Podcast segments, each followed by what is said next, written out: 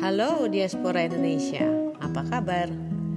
Selamat bergabung di Bincang Periuk. Kami dan para narasumber yang kami undang akan berbicara tentang berbagai hal yang relevan bagi kita semua perantau di negeri orang.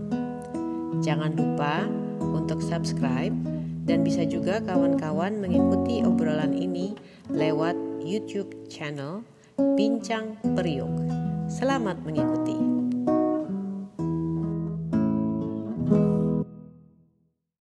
Selamat datang di Bincang Periuk episode 3 sesi tentang Kartu Masyarakat Indonesia Luar Negeri.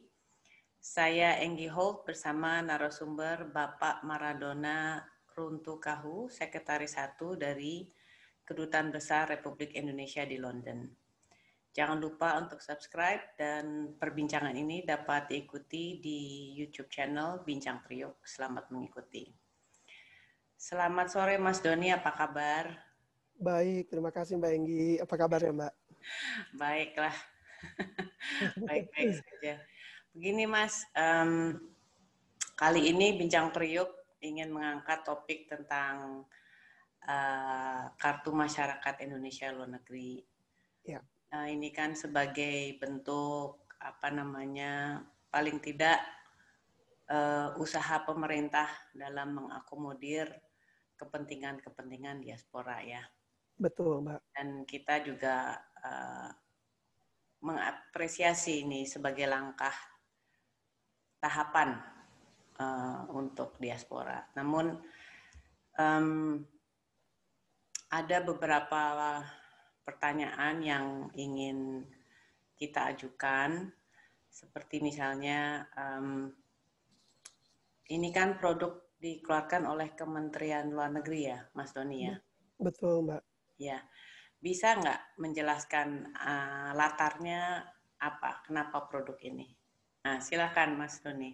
Ya, terima kasih Mbak Enggi atas pertanyaannya. Jadi, uh, Kartu Masyarakat Indonesia di Luar Negeri itu, sebagaimana kita ketahui, dasar hukumnya adalah Peraturan Presiden Nomor 76 Tahun 2017 mengenai fasilitas bagi masyarakat Indonesia di luar negeri. Dan uh, uh, peraturan turunan dari peraturan presiden ini adalah peraturan Menteri Luar Negeri tahun nomor 7 tahun 2017 tentang penerbitan dan pencabutan kartu masyarakat Indonesia di luar negeri. Nah, jadi kaitannya mengapa um, apa namanya kartu masyarakat Indonesia di luar negeri ini menjadi domain dari Kementerian Luar Negeri? Jawaban sederhananya adalah karena memang portfolio uh, tugas dan fungsi Kementerian Luar Negeri mencakup uh, aspek uh, perlindungan WNI uh, yang ada di luar negeri. Oh baik. Jadi memang itu tugasnya Kemlu ya, Mas ya. Terus um, subjek hukumnya siapa, Mas? Misalnya gini, ya. um, kan sekarang kalau yang WNI ya. dan masih ada keterikatan di Indonesia, misalnya ada rumah di sana atau uh, biasa kan kartu keluarga ikut keluarga yang tinggal di sana ya. Jadi mereka ya. bisa apa namanya mem, um, me, mengurus KTP. Ya. Yang di mana sekarang KTP itu seumur hidup seperti saya sekarang punya KTP seumur hidup, Mas. Betul. Nah ini uh, subjek hukumnya siapa ya? Karena karena begini, uh, bukan apa nih sudah menjadi rahasia umum. Ya. Uh, apa namanya warga WNI yang tinggal di luar negeri itu karena satu dan lain hal juga mempunyai warga negara setempat. Ya. Tapi masih memegang WNI gitu ya. Betul. Nah, uh, ini KBRI ini menyingkapi, mensikapi kelompok ini bagaimana dan tadi subjek hukumnya uh, sebenarnya KM ILN ini untuk siapa, Mas? Silakan. Baik, Mbak Enggi, terima kasih. Memang kalau kita bicara tentang kependudukan itu ada uh, peraturan ketentuan perundang-undangan yang terkait. Kalau kita bicara tentang KTP misalnya, kalau KTP itu kan kartu tanda kependudukan uh, pendudukan. Nah itu uh, itu domainnya menjadi domain Kementerian Dalam Negeri. Ya. dan yang mengatur peraturan yang mengatur tentang itu juga adalah Undang-Undang 13 tahun 2006 mengenai uh, maaf Undang-Undang nomor uh, 23 tahun 2006 tentang administrasi kependudukan. Nah, uh, kalau kita bicara kartu masyarakat ini, maka kita kembali kepada uh, peraturan presiden uh, tahun 76 tahun 2017 sendiri yang menyebutkan bahwa yang dimaksud dengan masyarakat Indonesia di luar negeri itu adalah benar-benar masyarakat Indonesia yang berada di luar negeri. Jadi dalam hal ini uh, uh, pengganti KTP kalau kita uh, berada di luar negeri kan adalah paspor. Nah, paspor ini juga menjadi kewenangan uh, keimigrasian melalui undang-undang uh, keimigrasian.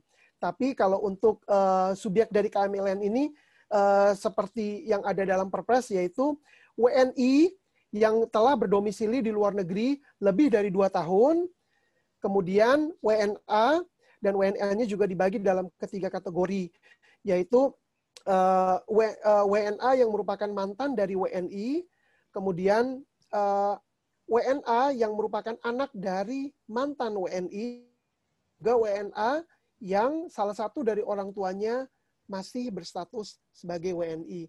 Jadi cakupan hukum uh, subjek hukum uh, uh, masyarakat Indonesia luar negeri sesuai Perpres 76 tahun 2017 adalah kategori yang tadi saya sebutkan. Oke. Okay. Jadi um, uh, apa mungkin kan dulu saya juga tuh waktu pindah ke dari Indonesia ke Inggris harus ya. lapor ya. Jadi penduduk Betul. penduduk luar gitu ya.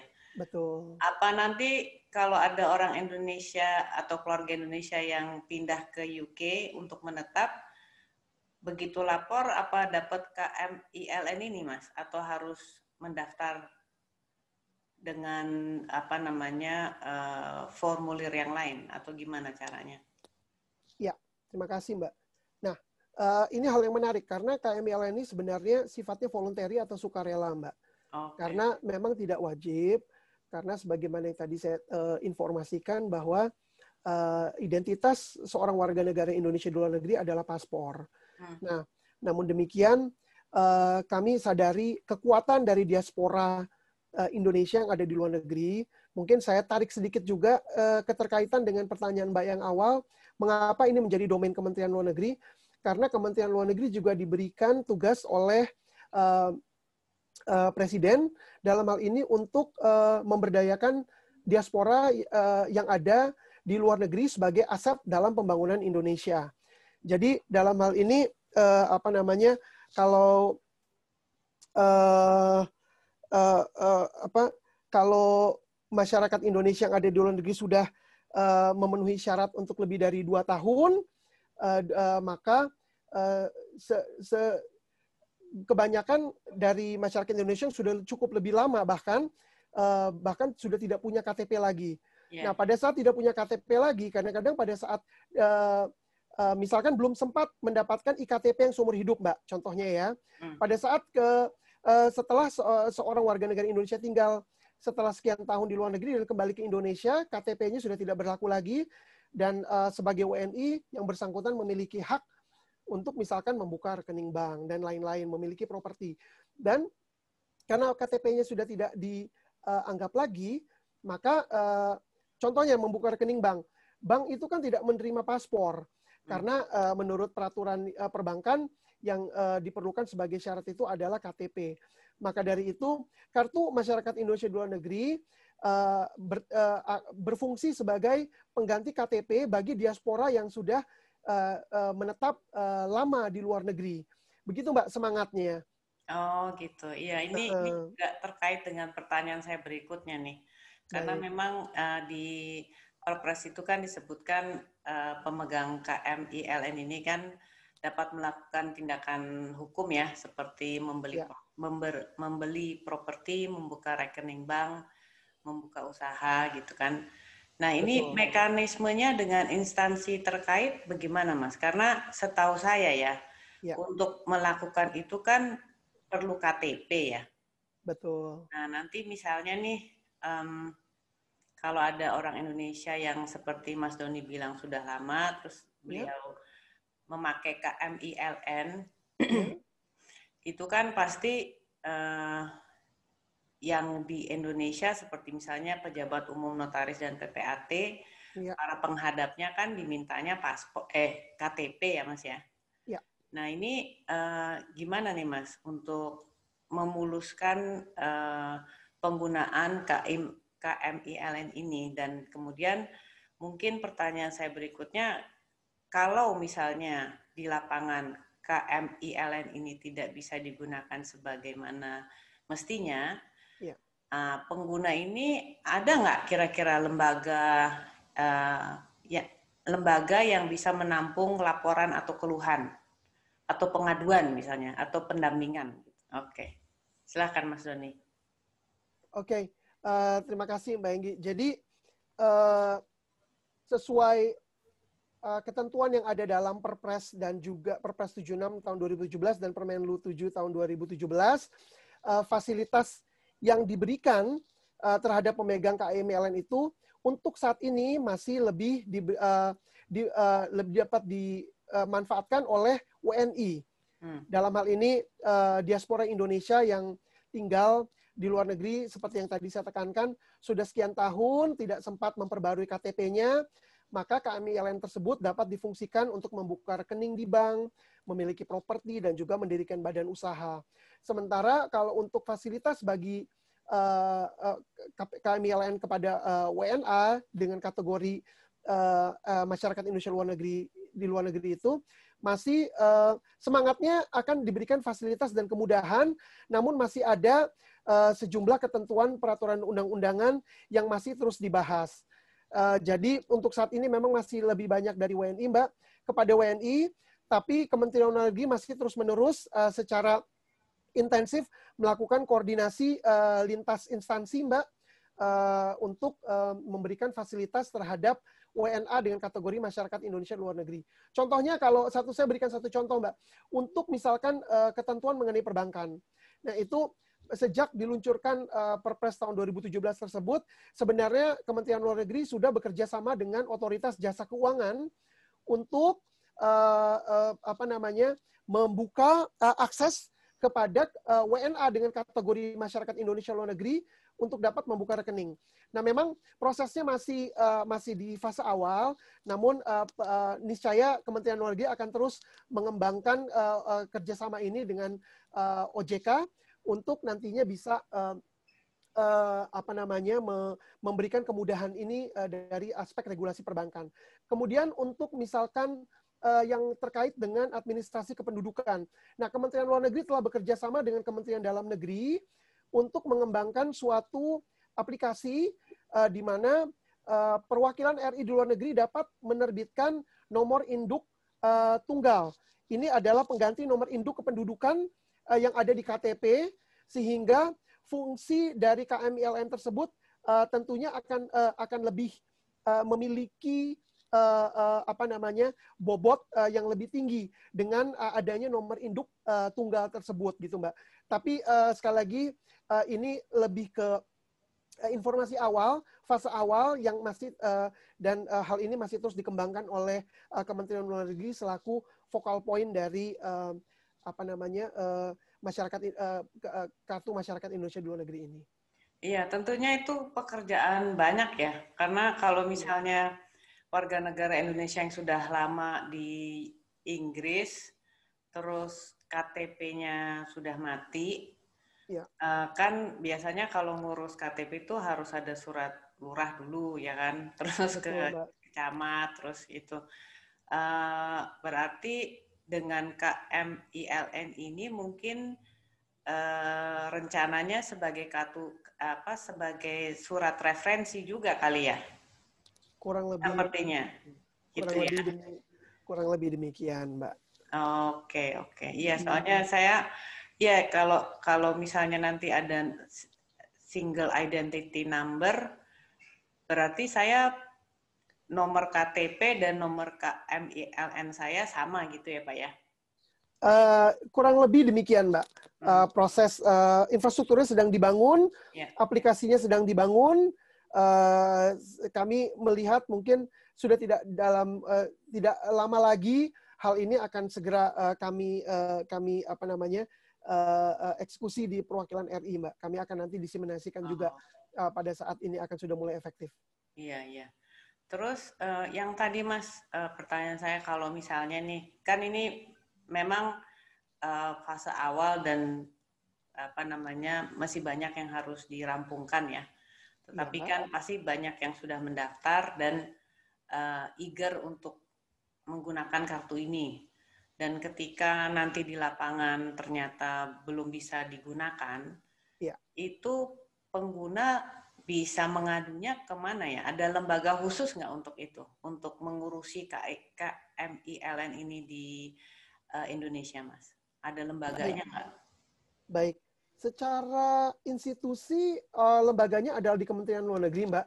Hmm. Memang tidak ada uh, tidak ada uh, secara uh, mungkin tidak ada uh, suatu format di mana uh, uh, dipublikasikan suatu hotline atau desk uh, yang secara khusus akan uh, bertindak sebagai uh, mengadvokasi uh, komplain ini, tapi uh, uh, yang bertanggung jawab terhadap hal ini uh, jelas ada di Kementerian Luar Negeri, Mbak. Dalam hal ini Direktorat uh, Diplomasi Publik dan uh, apabila uh, suatu uh, hal terjadi, uh, komplain tersebut atau aspirasi juga dapat disampaikan kepada perwakilan RI di mana WNI atau masyarakat Indonesia tersebut uh, berdomisili. Sehingga ah. kami dapat uh, juga merilai uh, uh, apa troubleshoot atau kendala yang dialami di lapangan kepada Kementerian Luar Negeri untuk ditindaklanjuti. Oke, okay, oke. Okay. Terus uh, salah satu syarat nih uh, ex WNI uh, seperti anak saya kan dulu uh, sempat DK. Terus ya. karena tinggal di Inggris, ya otomatis dia memilih uh, apa namanya paspor Inggris. Ya. Tapi dalam uh, apa ketentuan di Undang-Undang Nomor 12 2006 itu kan jika seorang warga negara Indonesia tidak secara tegas memilih kewarganegaraan Indonesia, maka secara otomatis dia dianggap melepaskan kewarganegaraan itu. Sama Betul. seperti anak saya. Jadi ketika mereka 21 tahun, ya, ya sudah mereka nggak nggak nggak ke KBRI bilang saya mau jadi warga negara asing gitu ya. Sehingga Betul, ada surat-surat dokumentasi yang kurang lengkap. Seperti misalnya ya surat keputusan Menhukam tentang pelepasan kewarganegaraan. Dan itu merupakan salah satu syarat bagi ex-WNI ya. untuk uh, mendaftar ke menjadi uh, eh, KMILN ini. Ini ini gimana Mas kira-kira? Oke, okay, baik Mbak. Uh, khusus untuk uh, kalau kita bersimulasi tadi terhadap contohnya Mbak ya, hmm. untuk yang uh, uh, WNA dengan kategori mantan WNI khususnya bagi uh, uh, anak yang telah uh, melewati fase uh, batas usia uh, uh, berkeluarga negara ganda dalam hal 21 tahun maka uh, apabila uh, itu secara otomatis memang tidak uh, pemilihan warga negara itu tidak dilakukan melalui surat keputusan uh, dari Kementerian Hukum dan HAM tapi yang bisa dilampirkan sebagai uh, data dukung pengganti adalah paspor Indonesia yang lamanya pada saat uh, memang masih uh, me, uh, berstatus sebagai subjek uh, anak berkeluarga negara ganda. Jadi paspor lamanya Indonesianya itu itu yang bisa dilampirkan uh, sebagai salah satu syarat uh, dokumen pendukung untuk pengajuan kami LN, Mbak. Oke, kalau cuma punya afidavit bisa, Pak? Bisa, Mas? Afidavit yang dari uh, imigrasi ya? Iya, iya, Kak. Kan dulu ya kan dulu sewaktu uh, dan banyak karena anak-anak saya ini termasuk generasi pertama DK ya. Jadi Baik. itu masih tidak diharuskan punya paspor Indonesia sepanjang Baik. punya afidavit. Jadi tinggal ya. dilampirkan saja gitu. Itu itu bisa nggak seperti itu melampirkan afidavit aja kalau nggak ada paspor Indonesianya? Baik, Mbak. Uh, mohon maaf, mungkin ini uh, kami perlu cek kembali kepada administratornya, Mbak.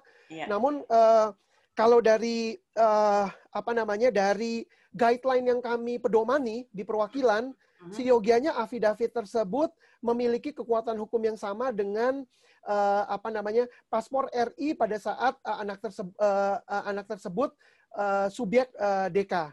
Yeah. Jadi uh, kalau sesuai uh, guideline yang kami pedomani, afidavit harusnya masuk ke dalam kategori tersebut, Mbak. Yeah. Namun uh, uh, saya ya.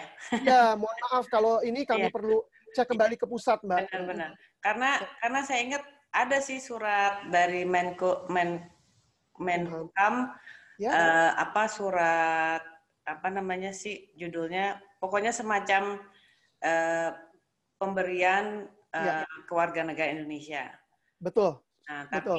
tapi tapi jadinya pas mereka menjadi warga negara asing nggak saya memang tidak mengurus surat yang pelepasan pewarganegaraan itu gitu loh. Jadi saya saya pikir dan saya rasa banyak uh, keluarga yang mempunyai anak DK itu pastinya yang angkatan pertama tuh pasti rata-rata hanya memiliki afidavit. Afidavit. Jadi mungkin ya, jadi mungkin mungkin ini yang pingin pingin saya tahu gitu. Kalau misalnya bisa, ya saya pasti mau anak saya juga mendaftar uh, menjadi pengguna K KMILN. Baik, Mbak. Lalu uh, pertanyaan berikutnya kira-kira gini Mas. Sekarang kan kalau untuk yang XWNI ya, ya. itu selain selain masalah uh, pada akhirnya setelah semuanya apa namanya terorganisir kan bisa membuka bank terus ya melakukan perbuatan hukum lah. Kira-kira ada fasilitas untuk lebih tentang uh, visa nggak? Karena kan di Indonesia sekarang memang ada 30 hari bebas visa Betul. ya. Betul. Nah, cuman saya pikir kalau ex-WNI yang datang ke Indonesia dan misalnya dia mem ingin membeli properti, ya. kan pasti urusannya lebih dari 30 hari itu Mas ya. Betul, betul. dan nggak mungkin bolak-balik, bolak-balik gitu kan. Betul. Nah, kira-kira ada nggak fasilitas? Ya mungkin ini domainnya keimigrasian ya, tapi Betul. saya cuma ingin ingin tanya ke depannya apakah akan ada eh, apa namanya fasilitas-fasilitas lain dari keimigrasian untuk pengguna KMILN bagi orang-orang yang XWNI ini, Mas? Ya, baik. Uh, terima kasih, Mbak. Jadi uh, sampai sejauh ini uh, informasi yang kami peroleh memang uh, ketentuan keimigrasian itu belum uh, belum uh, ada yang sifatnya uh, uh, cross cutting atau uh, memberikan fasilitas uh, terhadap uh, pengguna atau uh, pemegang KMILN, Mbak. Namun memang uh, pembahasan di fase awal pada tahun 2017 kami turut melibatkan instansi uh, uh, Ditjen Imigrasi uh, dan kami memang masih terus memformulasikan uh, apa fasilitas yang bisa uh, kami kembangkan terkait uh, untuk pemegang uh, KMILN yang sifatnya adalah WNA mantan WNI. Jadi untuk saat ini Mbak memang jawabannya ketentuan ini belum ada ketentuan imigrasi yang memberikan fasilitas lebih terhadap eh, WNA mantan WNI. Nah, tapi pembahasan ini masih terus kami lakukan yeah. Iya. uh, uh, untuk uh, uh, apa namanya perubahan-perubahan uh, yang ke depan yang kami yakin dalam waktu dekat ini sifatnya akan lebih progresif. Iya. Yeah. Uh, ya, begitu Mbak. Mungkin itu juga sebagai salah satu penarik pendaftar yeah. kami tuh Pak. Iya, terima kasih Mbak. Ya, justru kami dengan aspirasi dari Mbak Enggi ini dan juga uh, apa namanya teman-teman diaspora di sini yang uh, uh, dapat senantiasa memberikan masukan yang konstruktif, kami bisa lebih uh, menyampaikan masukan-masukan uh, kepada pusat untuk uh, uh, pengembangan ke depan. Ya, terus uh, pertanyaan terakhir nih, kira-kira hingga Ayo. saat ini Uh, sudah berapa Mas yang yang mendaftar menjadi pengguna KMILN di Inggris? Di Inggris uh, sejak uh, peluncurannya uh, kami sudah menerbitkan, memang belum banyak Mbak, uh, terus terang, uh, dan juga kami sempat uh, melakukan pengembangan infrastruktur aplikasinya dengan pusat. Jadi sempat ada periode di mana itu sempat vakum pada saat peluncuran tahun 2017. Kami sudah menerbitkan uh, kurang lebih sekitar hampir uh, hampir dua lusin uh, uh, KMILN memang jumlahnya sangat-sangat modest, uh, tapi uh, sekarang kami sedang mulai melakukan uh, sosialisasi kembali, diseminasi kembali. Kebetulan sekaligus uh, kami menumpang menitipkan informasi tambahan dari uh, pusat dan juga dari uh, lintas fungsi kami, yaitu fungsi ekonomi yang sedang memasarkan diaspora bond. Yeah. Ya. Uh, diaspora bond ini sebenarnya diluncurkan sejalan dengan 75 tahun perayaan HUT uh, RI uh, tahun ini, uh, sehingga uh, temanya adalah uh, patriotic bonds. Dan ini uh, uh, di tengah-tengah kondisi COVID saat ini, pemerintah RI mengharapkan agar kiranya uh, aset in, in, aset negara yaitu uh, di, uh, komunitas diaspora WNI yang ada di luar negeri dapat turut memberikan kontribusi dalam pembangunan melalui uh, uh, pembelian diaspora bonds ini. Dan uh, untuk dapat memperoleh diaspora bonds ini, salah satu syarat yang diwajibkan adalah memiliki kartu masyarakat Indonesia di luar negeri. Dan oleh karena itu kami uh, mulai uh, mulai dalam satu dua bulan terakhir ini hingga peluncuran resmi nanti bulan Oktober kami uh, tengah dengan giat mensosialisasikan diaspora bonds dan dalam hal ini satu paket dengan uh, diseminasi kembali uh, informasi mengenai KMILN agar uh, fasilitas ini dapat lebih dikenal oleh warga masyarakat uh, di uh, Inggris dan Irlandia secara lebih luas untuk uh, dapat mulai mengajukan permohonan dan dapat memiliki KMILN. Oke. Nah, untuk diaspora bond ini, Mas, um, ini uh, harus lewat BNI ya? Ya, jadi memang uh, sebenarnya jawabannya tidak harus lewat BNI karena ada mitra distributor uh, dari uh, Kementerian Keuangannya itu ada beberapa bank nasional. Namun memang kebetulan yang membuka cabang di UK ini adalah uh, uh, Bank BNI dan Mandiri. Nah, kebetulan Bank BNI itu bisa memfasilitasi pembukaan rekening di tanah air uh, mohon ditekankan uh, bukan di UK karena BNI masih belum memiliki lisensi untuk membuka rekening retail, tapi BNI uh, eh, dapat membuka memfasilitasi pembukaan rekening di tanah air uh, dan itu merupakan syarat untuk uh, dapat memperoleh diaspora bonds. Jadi untuk di UK sendiri memang apabila tidak ada avenue lain bagi warga masyarakat membuka rekening di tanah air, maka BNI hadir di uh, eh, UK untuk dapat memfasilitasi pembukaan rekening tersebut. Tapi memang mitra distributornya ada sejumlah uh, bank nasional uh, lainnya di tanah air. Oke. Jadi yang mengeluarkan bonds ini pemerintah Indonesia ya, Mas? Betul, Ibu. Oke, jadi Betul, jaminannya jaminan pemerintah ya?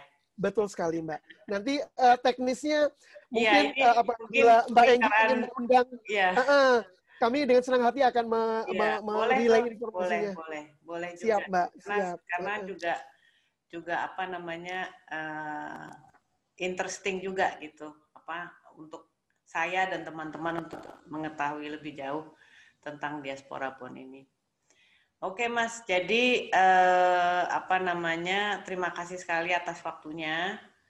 Uh, kartu KMILN ini moga-moga banyak yang mendaftar dan moga-moga juga uh, apa namanya jangkauan penggunaannya di tanah air bisa lebih terorganisir ya supaya mendapatkan banyak manfaat juga kan ya. Ini ada ada pertanyaan juga nih ya. ya. Kan sekarang um, data itu sangat sensitif ya. Iya mbak. Uh, banyak ya banyak kasus-kasus lah di mana uh, pembobolan data. Nah, kira-kira nih uh, data-data pengguna KMILN ini ya. itu di bawah naungan siapa ya, Mas? Ya, uh, kami paham sekali Mbak concern uh, diaspora Indonesia khususnya yang uh, berdomisili di UK ataupun Eropa karena uh, tentunya subjek terhadap uh, General Data Protection Regulation juga. Namun uh, kami tekankan bahwa uh, data yang akan disubmit uh, kepada uh, uh, Kementerian Luar Negeri dalam hal ini pemerintah Indonesia melalui Kementerian Luar Negeri itu dijamin kerahasiaannya uh, dan disimpan oleh uh, Kementerian Luar Negeri. Uh, jadi uh, kami menjamin kerahasiaan uh, dalam uh, uh, apa namanya uh, uh, terhadap uh, informasi yang disampaikan uh, dalam proses uh, pengajuan KMILN itu, Mbak. Oke, oke. Iya, soalnya itu itu sangat sensitif ya. Betul sekali, Mbak.